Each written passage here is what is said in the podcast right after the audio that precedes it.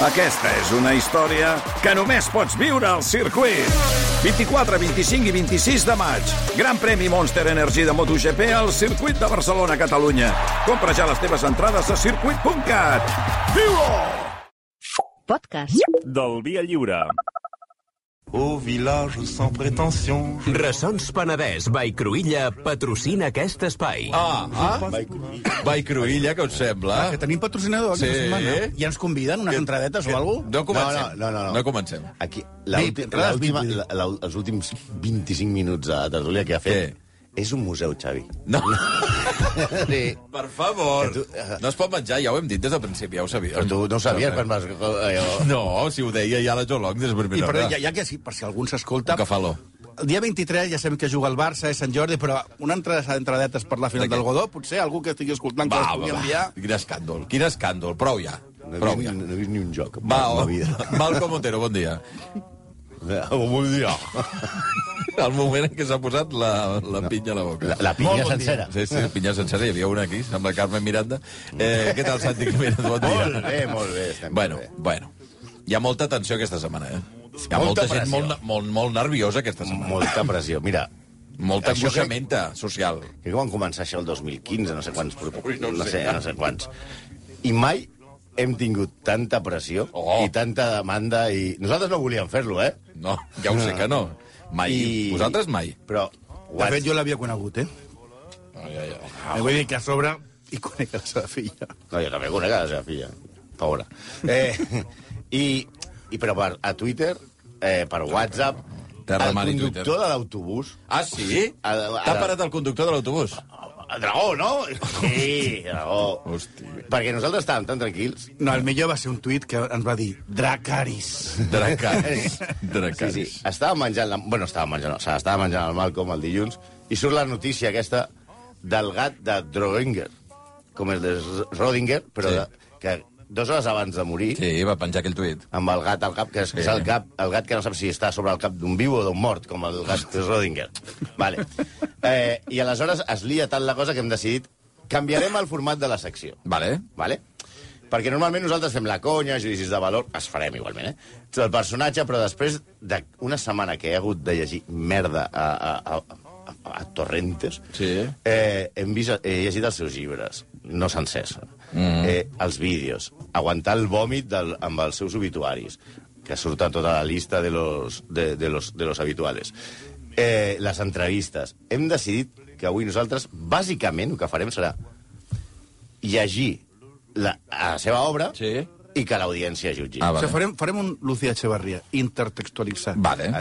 És a dir, Copiarem. Dit d'una altra manera, nosaltres posem l'arbre i la corda i es penjarà ell solet. Vale? Vale. Aleshores, perquè parlem, i aquí sí que farem una mica de judici de valor mm, modest, és un cretí de dimensions siderals, un tipus als que els seus admiradors, que són molts, l'han definit com un home lliure, un lobo feroz de la literatura espanyola entre l'epicurismo i Confucio, la heterodoxia i la Hélade. O sigui, no sé, res. Eh, després diu, però que era una contradicció amb potes, un mitja merda, un fatxa bocamoll, de casino de poble, que es desmentia constantment i que com a petit avançament deia, i deien d'ell, que mai va fer mal a ningú i que no parlava malament de ningú. De ningú, els collons, excepte de tots els polítics a l'esquer- a l'esquerra d'Aznar, de qualsevol que es passés pel seu costat, i de la seva primera dona, de la que va dir en mi obra, a la única persona con la que hay algo parecido a una vendetta, un ajuste de cuentas, es mi primera mujer, esa novia de facultad con la que cometí el disparate de casarme. El cometió Vaya, ella también. vaya. Un carayó tan bínfulas, o como digan en castellano, un cretino con balcones a la calle, que admiraba a San Exupéry, que es creia Neruda i aspirava a ser Hemingway. Un pelacanyes que reconeixia, y això explica moltes coses, lo que más me ha enseñado la vida han sido las ingestas de LSD, que gairebé són les seves inicials, FSD. Mm. Fernando Sánchez Dragó, Sí. LSD és Lechuguino Sánchez Dragó. No, home. Parlem, òbviament, de El Dragó. Ja comencem així. Aquí és on sortia Pujol, no?, amb caricatura. Sí, Com? Sí, hi havia un... El mago. Hi havia un Ah, sí, sí, mag sí. que s'assemblava una mica... Una miqueta. Sí, sí. Abans que arribés a Star Wars i tot això. Abans, sí. I no, hi ha aquella pel·li de Schwarzenegger que hi havia sí. desafio total. No sé. Desafio total. Bueno, eh, com deia, com deia el Santi, avui nosaltres opinarem poc. De, home, de moment ja va... Déu No, nhi ja, ja, ja està, ja està. Que opini ell. Fins aquí. Que opini ell. Que Vale. opini ell. A, a continuació, us llegirem de manera textual les millors frases que Un defineixen... petit resum, sí, perquè... Un petit Vale. resum, sí, sí. Perquè hi ha un vídeo ahí que podeu trobar també que es diu Sánchez Dragó y sus mujeres y eh, diu coses meravelloses con las mujeres siempre con su lagrimita i coses d'aquestes. Molt maques, molt maques. Però, de moment, us recomanem que seieu i reflexioneu. Comencem. Ho farem de 5 en 5, eh? Oh, m'agrada molt. 1. Mi grito de guerra es salud, anarquía y cada noche una tía. Això està escrit en, en seva hora. 2. Yo pertenezco a ese grupo bastante extenso de personas que no cree que se haya llegado a la luna. 3. La gente, con tal de salir en la tele, está dispuesta a asesinar a su vecino. Tú eres un ejemplo. 4. Las chicas de izquierda se creen que están salvando el mundo cuando follan. Y las otras no. Las otras follan porque les gusta. 5. Con Franco había libertad en la calle. Eran años felices porque no había el control de ahora. Què? Difícil de superar, no? Maco. Sí. Pues com el circ. Más difícil todavía. Ara amb els ulls tancats i el trapezi en flames. Veus? Redobles, eh, i tot. 6. La ley de violencia de género discrimina a los varones. 7. Si hubiera sido mujer, sería muy puta. Una puta refinada, una puta culta. Matajari, vamos, Matajari era espía. Sí. 8.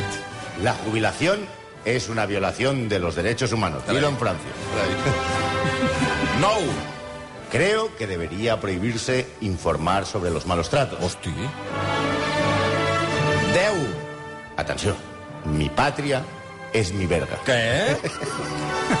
Aviam, podríem estar És tot el dia així? Pel que he vist a les fotos, és una pàtria petita. Va, home.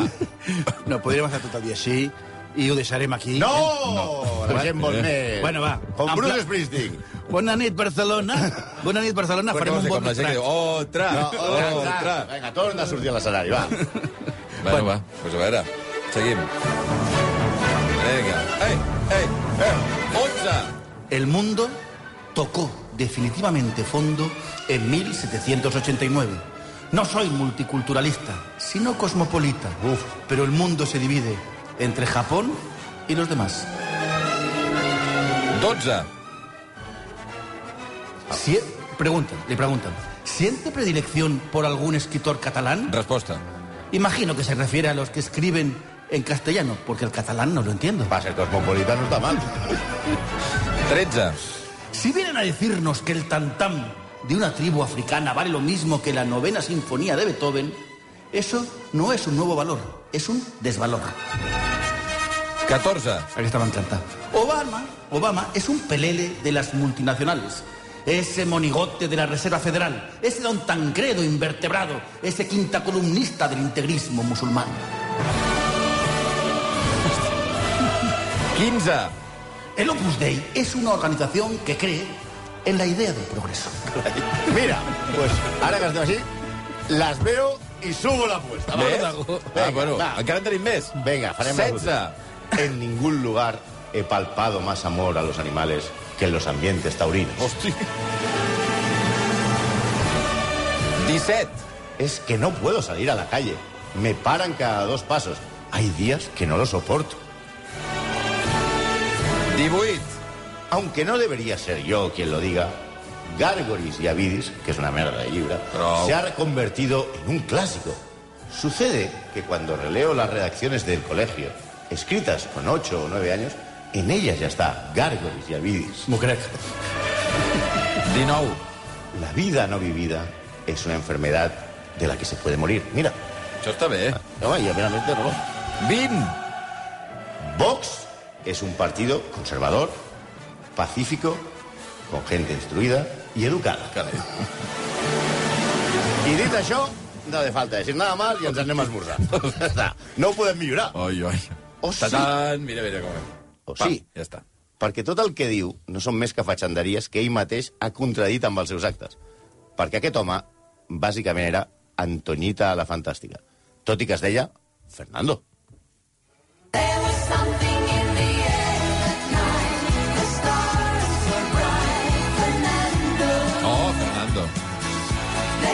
que hem posat a Ava en, en, en aquest programa. Eh, bueno, a bé. veure, estem parlant del repelente Niño Vicente. A les seves inaclavables entrevistes sempre deia eh, sigo siendo un niño bien de barrio de Salamanca. El seu tietavi va ser Modesto. Ell no, eh? Ell, òbviament, no va ser mai modesto. va ser Modesto Sánchez Ortiz, director de La Vanguardia, de la Vanguardia abans de, de Gaciel. I el seu pare va ser periodista, Fernando Sánchez, a La Voz i Notisport. No confondre... Notisport? A... Notisport, sí. No, no s'ha de confondre amb... Sempre pel. Barça. Sempre amb el Barça. Hem dit que faríem pocs judicis de valor, però ara ens prendrem la llicència Vaja. d'assegurar que de petit Draghi, el petit Draghi, la història de Catalunya... Home, per favor. el- Quan era petit era Draghi. Ja era un estúpid. Mm. Explica que passava les hores parlant, atenció, amb el seu àngel de la guarda, no sé qui us recorda. El seu àngel de la guarda es deia Jai. Jai? Jai Coloma. No, Jai. Jai? Jai, Jai, sí, sí. Ell deia, a casa li deien Nano, al, al Draghi. Mm. Als set anys, diu, ell, que va fundar i dirigir un diari que escrivia ell. Fundar i dirigir un diari que escrivia... És a dir, et dirigies a tu mateix. Sí, bàsicament. Sí. Que va anomenar La Nueva Espanya, ja amb set anys, eh? I que era una còpia a mà de l'ABC del dia anterior. Ah, És a ah, dir- vols dir, copiava el diari. Sí, i aleshores ah. el que feia era passar per tot l'edifici amb els veïns Sí. I els hi jugar a canvi de 5 cèntims. Sí. Els hi venia el, la, seva, la seva versió del diari que ja estava publicat. Això és una pràctica que segueix fent molt, això de copiar les notícies. S'ha de dir. Sí, a les seves memòries també Galgo Corredor, que Ingeniosíssim títol. Galgo Corredor, pod- què Podia passa? ser elefante pesado o merluzo acuático. Però bueno, recorda que va ser en aquella casa on va iniciar-se en el sexe. A quina casa? A aquella la, casa la, on- on- Salamanca. Ah, Salamanca. la- la- la- S'ha de dir que ell sempre diu que jo Sí. el sex, sempre diu coses com el sexo es mi vida, el sexo es mi única manera, manera de vivir, el sexo no és una actitud, coses d'aquestes, que ell sempre és com una màquina sexual, eh? I no ho recordo amb massa orgull perquè en lloc de practicar el sexe intel·lectual i llibertí, que ell és molt, sempre es, es qualifica a si mateix de llibertí, va dir que va fornicar amb sexe animal, amb, obro cita, una criadita deliciosa que teníamos en casa. Era bastante ligerita de cascos y llevaba tiempo provocando. És que has vist així. Eh,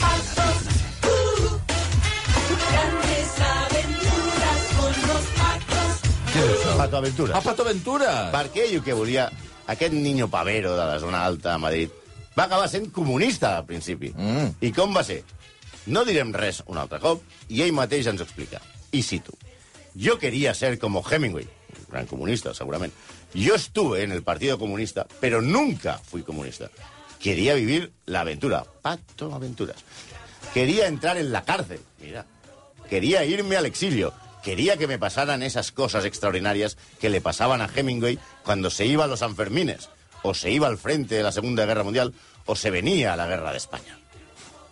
és a dir, es, va- O per sea, entendre Hemingway va als que... Sanfermines i cada any van milions de persones. Que, sí. que diuen els Sanfermines com si fos a, a pujar amb el nanosatèl·lit Que, aquest. que no s'hi pot ni arribar. Sí, sí, anar al Kilimanjaro. No, ell, per, per entendre'ns, ell es va fer comunista per postureo. Però gràcies a aquesta suposada militància es va assabentar d'un fet traumàtic que evidencia una de les seves constants contradiccions. El van detenir al 56 i quan l'interrogaven, amb ella, en carinyo, no era com els sobrers, eh, perquè els quedes una mica intel·lectuals, ell va començar a vacilar el poli dient paraules molt cultes i enfotent-se d'ell. Aleshores, el comissari, que es devia morir de ganes de fotre una pallissa, Hi ha dies que la tortura està... Va, li va dir, home. no xules tanto que nosotros fuimos los que nos cargamos a tu padre. Ah, Hòstia. I allà ell cau, o sigui, s'entera, perquè ell, tan intel·ligent que és, sempre va pensar que el seu pare el van matar els republicans. Però aquell dia va descobrir que el seu pare, que era republicà però de dretes, i partidari de, de Maura, va ser afusellat després de que Juan Pujol, o Pujol, més aviat, cap de propaganda del bàndol nacional, el va denunciar. I que va ser, el Juan Pujol aquest va ser el primer director de l'agència EFE i era el, el membre de propaganda del Zona Nacional. I el va denunciar com a comunista. Sí, la, la, des d'aquell moment Dragó va intentar rehabilitar el nom del seu pare i acabar amb el de Pujol, no, en el de Pujol, que costa, eh? A Madrid, Juan Pujol té una placa, una plaça, que està a 300 metres de la casa de Dragó, Ah, sí, i eh? ell un dia va pujar una escala a treure la placa i li va, la va canviar per una altra que havia encarregat amb el nom del seu pare. Clar, la policia, òbviament, el va fer baixar, li van de tirar pa a casa, xalao, i el dia següent ja tornava a estar la placa, la placa amb el nom de, de Juan Pu- Pujol.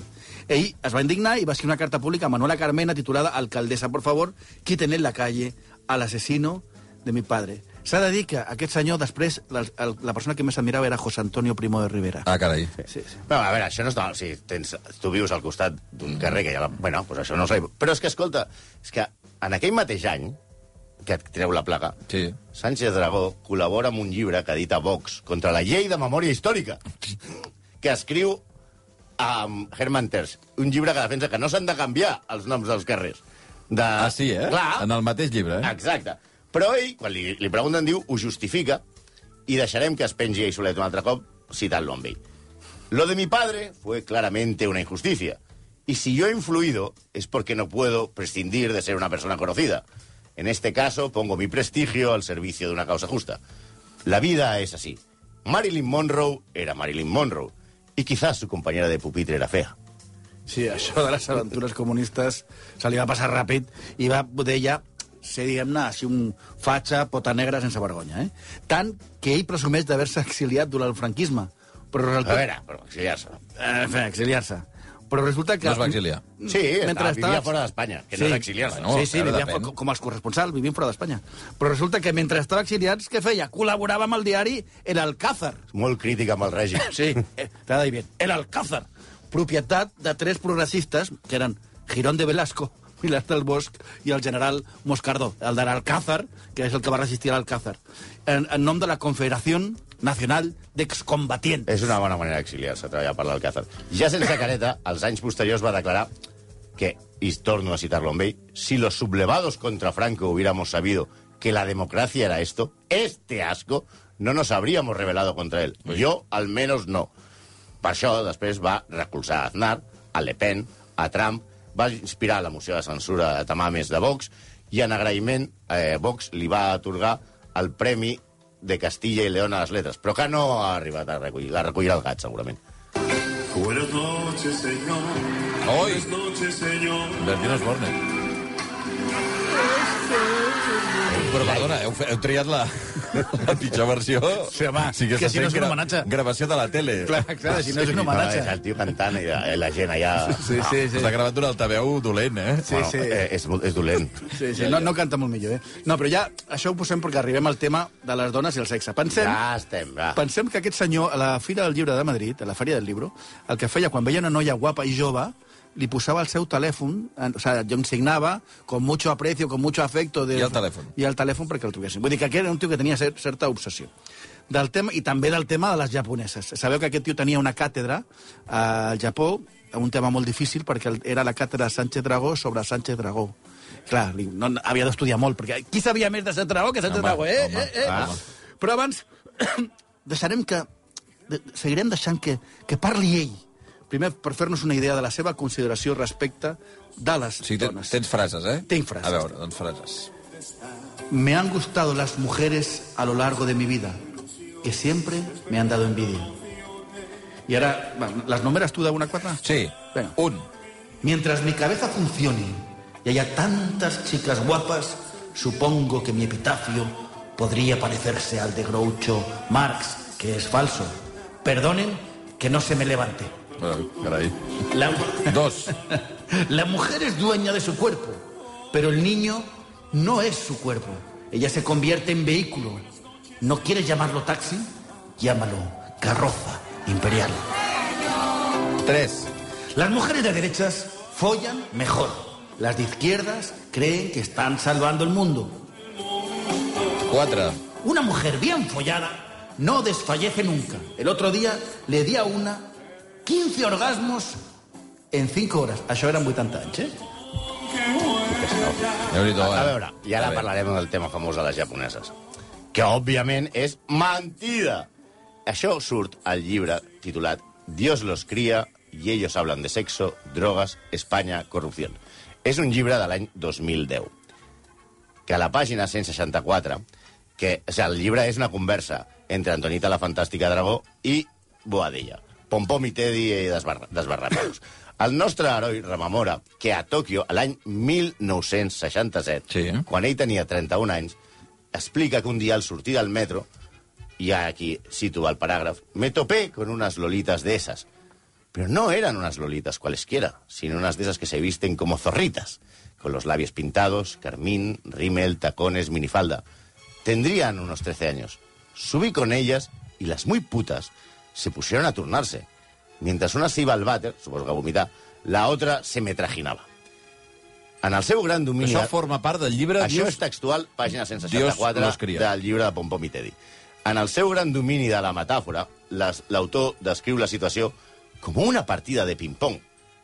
Y segueix. El crimen ya ha prescrito. Las delincuentes eran ellas. Si en aquel momento me hubieran pedido que firmara un cheque por el total del poco dinero que tenía entonces, lo hubiese firmado sin pestañear. A veure, a veure, Draghi, anem a punts.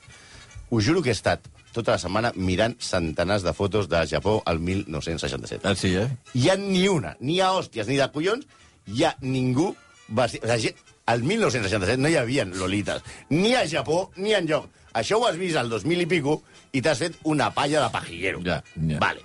Eh, a més a més, eh, els americans encara estaven al Japó al, eh, als 70. Eh, Estem parlant del Japó tradicional encara de Mishima. Mm. Sí, sí. o sigui, no hi havia la transformació actual No, que sí, hi ha sí, home, tota la, la, la li cosa pop que diguessin que anàvem el cabell verd i jugant amb la Nintendo. Sí, sí, sí. Ets imbècil, és mentida. El que vas fer va ser anar a putes i després ho justifiques. Sí, eh, una, la veritat que aquesta trola no amaga el seu gust per les menors. Però és només, jo crec que és una fantasia de, com deia el Santi, de, de pajillero. El que passa és que, com aleshores cobrava molta pasta de Telemadrid, va haver de matitzar la, la poca soltada. I me diu, todo fue inocente... Ara canvia una mica la versió. Ell va, o sigui, després va haver de sortir Sí, per perquè dir... ja amb això no es ah, sí, és molt greu, això que Va sí. sortir al comitè d'empresa... tal. Y digo, no, no, eso era literatura porque todo fue inocente y amistoso. Apenas hubo contacto físico. Cogernos de la mano, mirarnos a los ojos, algún beso furtivo en la mejilla. Sí, a eso me que eh? A eso me refería con lo de trajinar, no a lo otro, al rey de las parábolas. Eso es trajinar. Lo de los 13 años fue una forma de hablar, porque las japonesas tienen un aspecto muy aniñado. Després de, de rectificar, no sé si això és rectificar, i de recollir cable, va seguint fent declaracions molt sovint sobre el seu gust per les adolescents i sobre els seus viatges a Tailàndia.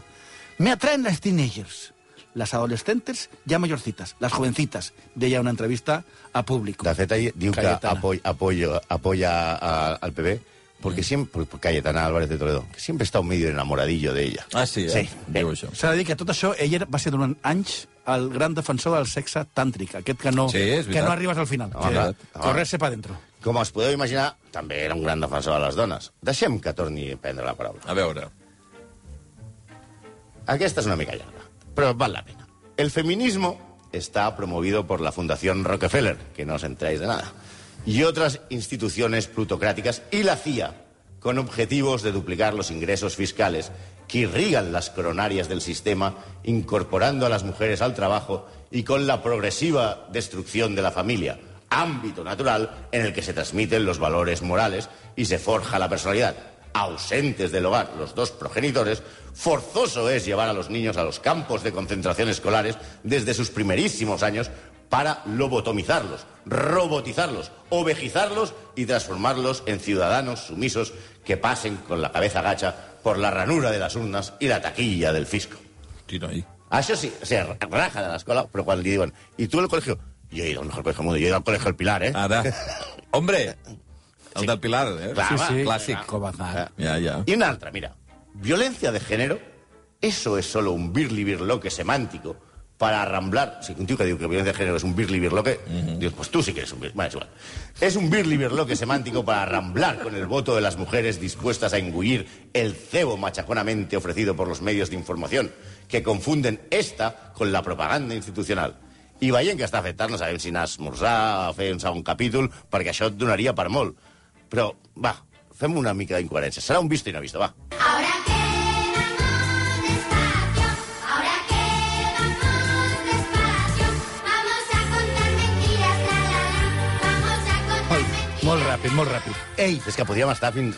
No, ja veig, ja veig, aneu tirant, eh, vosaltres? fins, fins que surti la porta podríem No, estar. no, no, no. no. ell, que volia ser Hemingway, afirmava que Aquesta, aquesta frase també és molt bona. No lo puedo evitar. Es abrir el periódico y leer que ha estallado una guerra, una bomba, una erupción volcánica, lo que sea, y primer- mi primer impulso es irme allí. Es como, en eso soy como Frederick Forsyth, que si le cuentan que un sicomoro crece frente al Kremlin, se va hasta allí a verlo. No sabem si Frederic Forsyth ha anat a veure algun psicomoro davant del Sí, Guerra. no sé on s'hi comoro, però, no obstant, quan li van preguntar per tot el tema català, va dir, ¿Cataluña? Ah, no, no sé nada de lo que ocurre políticamente en Cataluña, no me interesa. Esas cosas no son asuntos míos, me aburre la actualidad. ¿En qué Ah, quedamos? vale. Navi? Vale, vale, ¿En vale. què quedamos? Clar, no és un parlar psicòmoro, no és un psicòmoro. dels seus temps a la presó, que els recorda directament fent un insult als veritables presos polítics del franquisme. Ell recorda la seva estada a la presó de la següent manera. Cuando estuve en la cárcel me divertía mucho y pensaba, voy a tener cos- cosas que contar con el tiempo extraordinarias. Me gustaba extraordinariamente ir a la cárcel y por varias razones. A ver, en primer lugar, porque nos obligaban a llevar una vida muy ordenada, que a esa edad te viene muy bien. Te levantabas a tus horas, te acostabas a tus horas, hacías deporte, leías, estudiabas, aprendías lenguas. Era como un colegio mayor, la cárcel. En fin, fue la medalla de oro para aquellos que soñábamos con correr aventuras. Hi ha gent que va morir a les presons del Home. Vale.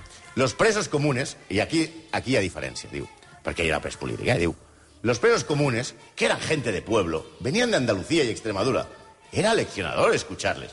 Siempre dio que eché los dientes como narrador escuchando las historias que me contaban los presos comunes. Aquí va una altra, una altra de les troles, eh? Desprecio al señor Sánchez, que no ha leído en su libro... Pedro, eh? Eh, al Pedro Sánchez, que no ha leído un libro en su vida, yo he leído 30.000. Aviam, aviam, aviam, aviam. 30.000 llibres. Espera, espera, espera, N'hi ha espera. 84 anys. Sí. 30.660 dies. O sigui, els 84 anys sumen tres- 30.000 dies. Si li traiem o sigui, 4 anys... Diguem que, que no va néixer sabent... No. llegir. 4 en anys, li no. traiem, o sigui, que són 1.460 dies, li queden 29.200 dies. Més d'un llibre al dia. Tot això que fer? I escrivint. Follant 5 hores al dia! No, Follant no, 5 no. hores al dia. Que no tens temps! No tens No. temps. I es- Entre, i en, entre escriure que folles, llibres, vas als toros, eh, te, te, et tires dos japoneses al metro. Va, va, No, però s'ha de dir que això despista molt, perquè quan ell feia un programa a televisió, a la televisió de, Val de València, que es deia El Faro Alejandría, Molt aplaudits, els programes de tele. ell, Eh? ell, cobra, ell cobrava un, per la seva productora, però ho feia amb els mitjans de televisió espanyola, ho feia un altre programa que es deia Ah. Negro sobre blanco. Vaja. Vull dir, perquè això és que estàs tan ocupat Clar, entre clar. llegir llibres i follar que no tens temps de pensar en les coses com les que, és que números. podríem estar molt d'acord, perquè podríem seguir amb el rotllo del misticisme oriental, les, les religions que... I també, per exemple, que considerava internet, el va definir com el, el imperio de l'aranya. Renegava de les xarxes. Renegava de les xarxes i estava donant l'abraç a Twitter fins, que, fins a, l'últim minut de la seva vida. O sigui, coño, perquè ell va dir de les redes sociales, frase seva, ¿qué es lo mejor de las redes sociales? Nunca me he metido en ese antro. Prefiero las putas. Torni. Però acabarem amb la meva eh, mentida favorita. Explica aquest penques que cuando nadie conocía a Borges, haciendo yo un viaje desde Barcelona a Génova en tren, cuando tenía 23 o 24 años, me encontré en un vagón de tren un libro suyo que ha marcado mi vida. Como es La Rosa Amarilla, el llibre. Como puedes ver, Borges me marcó y mucho. A veure, Draghi. A veure, què passa? Quan tu tenies 23 o 24 anys, Sí. era l'any 1960. Borges, que no lo conocía nadie y lo descubriste tú, havia publicat un librillo que es deia El Aleph. Hosti. Bueno, que és de 1957. Al 1960, Borges comparteix amb Beckett el Premi Internacional de Literatura. I Borges, en aquella edat, era catedràtic de totes les universitats del món, de Howard, fins i tot. Sí. I Borges tenia 61 anys. Però gràcies per descobrir-nos a Borges. Sí, sí, hòstia, si no fos per tu, Dragó... I encara, en, en, encara queda parlar de com estima el seu col·le i renega l'educació. De com parla a favor dels toros. La tauromaquia es lo que queda del carácter de España. Los antitaurinos son acojonados. Gente que no sabe plantar cara a la vida. I al mateix temps odiava el futbol i el periodisme esportiu. Arran d'aquest atac al futbol, Va ser amb un debat amb Jesús Hermida de la tele. Ah, sí, sí, sí, eh? sí, la, millor definició d'aquest orate la va pronunciar José María García. Que és l'únic tio que li va parar els peus. Però, perdona, José María García estava en el debat? No, era, no, no. Sí, sí, sí, sí. Era, ¿Sí era? era? Era, José María García, Lendoiro, Cortés Elvira Uy, y... y Sánchez Dragó. Y Sánchez Ah, pensaba que en la radio. Y digo, hay ciudadanos normales y otros como Sánchez Dragó. Hosti, això va dir García. A la cara li va dir. Ara, una, una última anècdota per acabar. Eh, sap, ell va tenir moltes relacions homosexuals, no, no una, deia, un obseso del sexo como yo, ¿cómo no va a conocer No, varón? sí, siempre decía que cómo no haber tenido relaciones homosexuales Pero- con, con lo guapo que era. Però el loco de la colina, o sea, que recordeu de, Sí. de Jesús Quintero, li Quintero. fa una entrevista a la ràdio eh, i li diu a Sevilla i li diu, Fernando, ¿tú has conocido varón? Y ell diu, sí, la primera vez fue con un negro, lo explica, ¿no? Y al día següent, no he trobat el titular, però existeix, un diari de Sevilla posa, ya sabemos por qué el programa de Dragó se llama Negro sobre Blanco. 10, ai, 10, 11 i 10 minuts. Avui probablement són dels, uh, una de les pressions més altes que han rebut els exagrables al llarg dels, uh, dels anys que fa que fan aquesta, aquest espai. Avui eh, Fernando Sánchez Dragó ha passat a formar part... Nosaltres no volíem, eh? No, ja ho sé, que no ho No volia. quería, señora. En cap, en cap mena de Él no cas. quería. Eh, 11 i 10, Santi Jiménez, Malcom Otero, gràcies. Eh? A vosaltres. Adiós, adiós, adiós. El Bulli és un museu. Sauf les aveugles, bien entendu. Això que sents és música creada amb copes de vi i cava. O el que passa quan fusiones música i Penedès. Del 28 al 30 d'abril, vine a Ressons Penedès. 33 concerts a cellers i espais singulars. Amb Amaya, Ivan Ferreiro, Els Pets, Els Catarres, Joan Dausà i molts més. Compra les entrades de cada concert a ressonspenedès.com.